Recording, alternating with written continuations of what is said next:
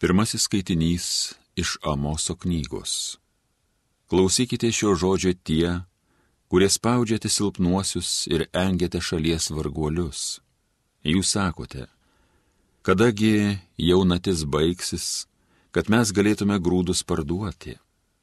Kadagi praeis šventadienis, kad klėtis atvertume, saikus sumažintume, kainą pakeltume, svarščius suklastotume už pinigus pirksim varguolių, už porą sandalų beturčių. Paversime pinigų netgi pasturlakus.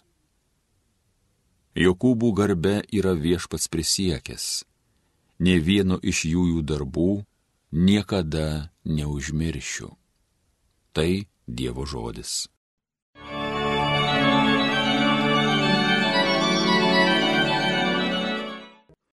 Garbinkite viešpatį, jis kelia nuo žemės beturtį.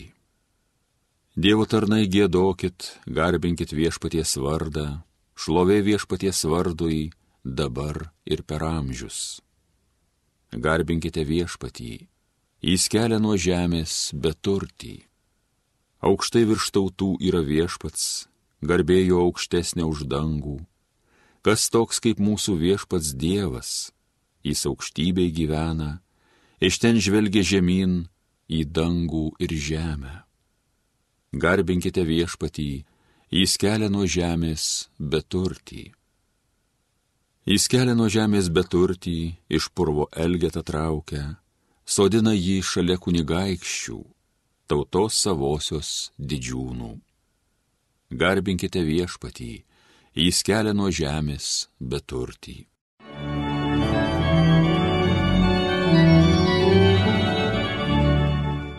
Antrasis skaitinys iš Šventojo Paštalo Pauliaus pirmojo laiško Timotiejui. Mylimasis, aš visų pirma prašau atlikinėti maldavimus, maldas, pamaldas ir dėkojimus už visus žmonės, už karalius ir visus valdovus, kad galėtume tyliai ramiai gyventi visokiojopai maldingą ir gerbtiną gyvenimą. Tai gera ir priimtina akise mūsų gelbėtojo Dievo kuris trokšta, kad visi žmonės būtų išganyti ir pasiektų tiesos pažinimą.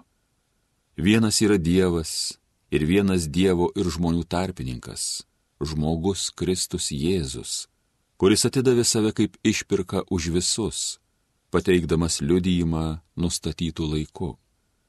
Tam aš esu paskirtas ir šauklys ir apaštalas, sakau tiesą, nemeluoju, tikėjimu ir tiesos pagonėms Aš norėčiau, kad vyrai visur, kur tik melsis, keltų aukštyn tyras rankas, be pykčio ir nesantaikos. Tai Dievo žodis. Alleluja,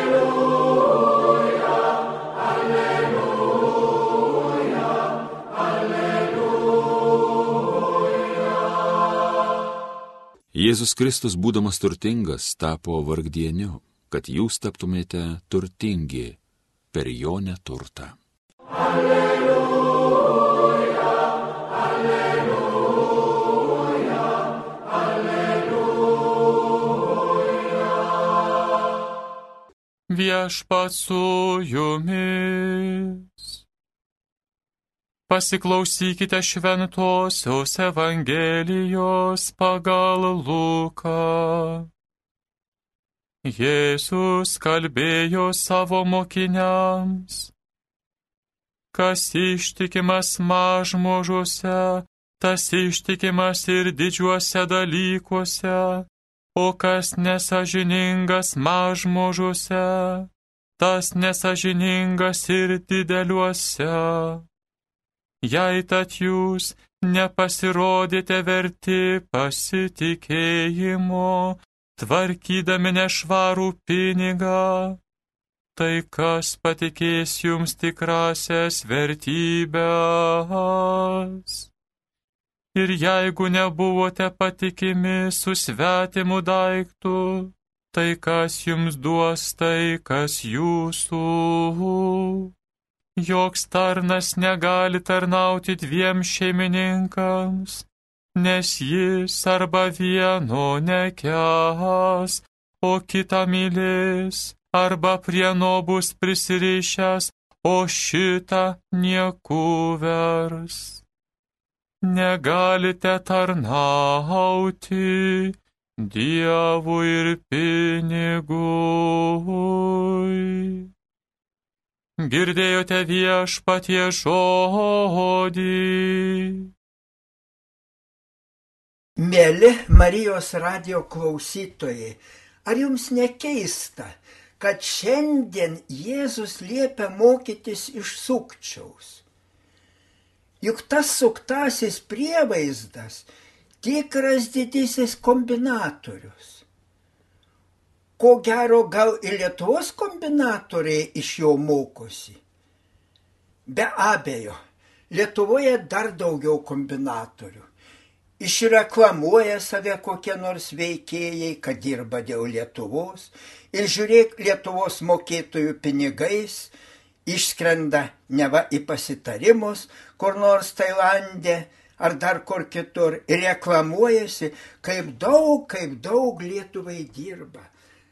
Šitaip reklamuojasi, kad dar labiau iškeltų save rinkimuose. Juk kiek buvo atvejų, kai Lietuvoje į rinkimų žmonės viliojo barstant ledus, dalijant dovanėlės ar tiesiog perkant žmonių balsus.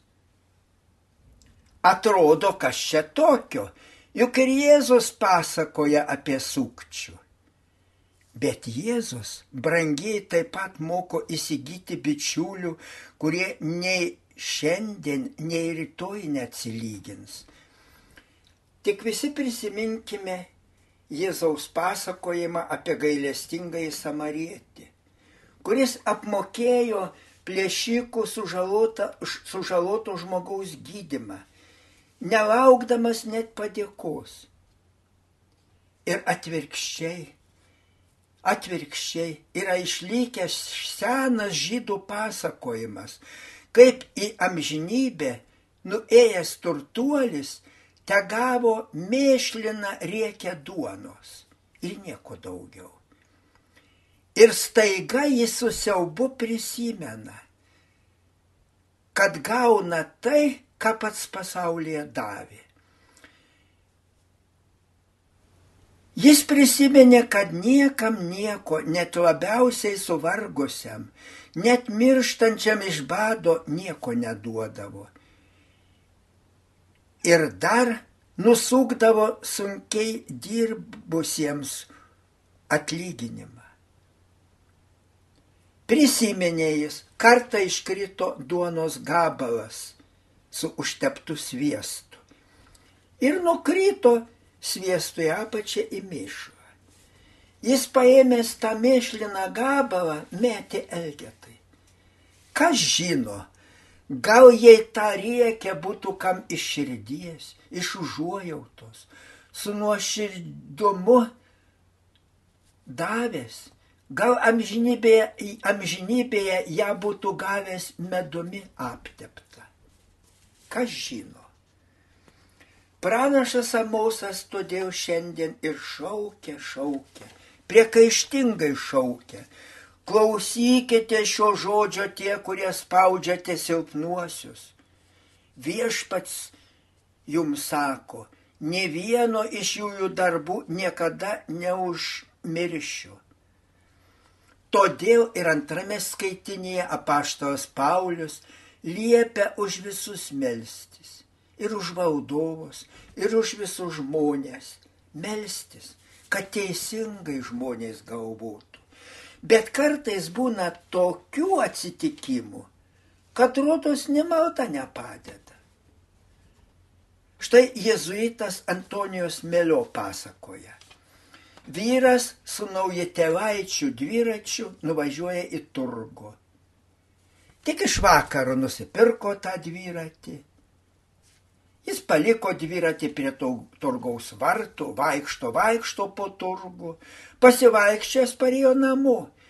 Tik kitą dieną atsiminė dviratį, bėga į turgų įsitikinęs, kad dviratis pavoktas, bet rado jį ten, kur palikęs. Važiuoja namo, nesitverdamas džiaugsmu, sustojo prie pirmos pasitaikiusios bažnyčios, padėkoti Dievui, kad Dievas taip stebuklingai išsaugojo jo dviratį. O pasimeldęs, išėjęs iš bažnyčios, dviračio neberado. Brangiai, ką dabar jūs mąstytumėt? Ką kalbėtumėt apie šį atsitikimą? O jis baisiai pasipiktinės galvoja, koks Dievas neteisingas. Kodėl Dievas leido prie bažnyčios pavokti dviratį? Ir sutinka tas vyras kuniga, kuris kaip tik dažnai pamoksluose kalbėjo apie tai, kad dažnai žmonės gyvena neteisingų Dievo supratimu, neteisingų tikėjimu.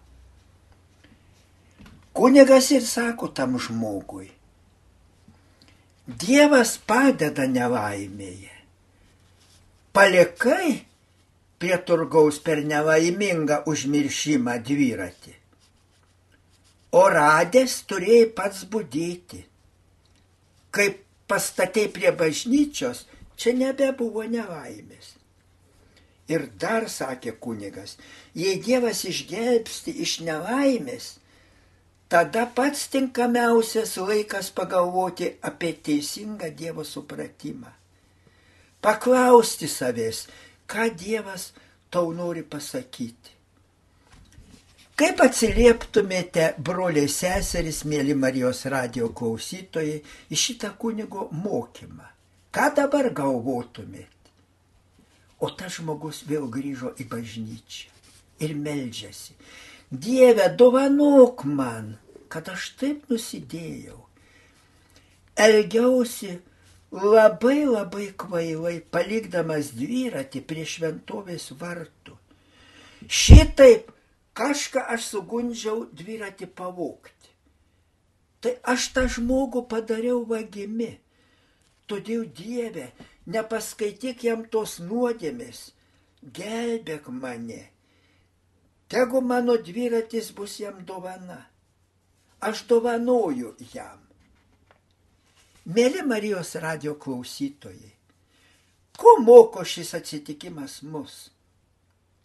Visų pirma, moko, kaip mes turime visų pirma save teisti, o ne kitus. Juk šitas žmogus pirmiausia teisia save ir net vagi bando išteisinti, kad palikai lik specialiai gundydamas jį. Štai tada mes tikrai būsime Dievo dvasios, jeigu vis, visų pirma ieškosime savo klaidų, savo kalties, o ne kito žmogaus.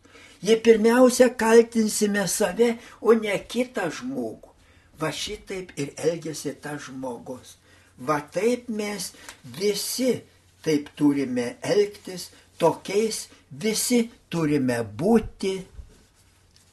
Amen.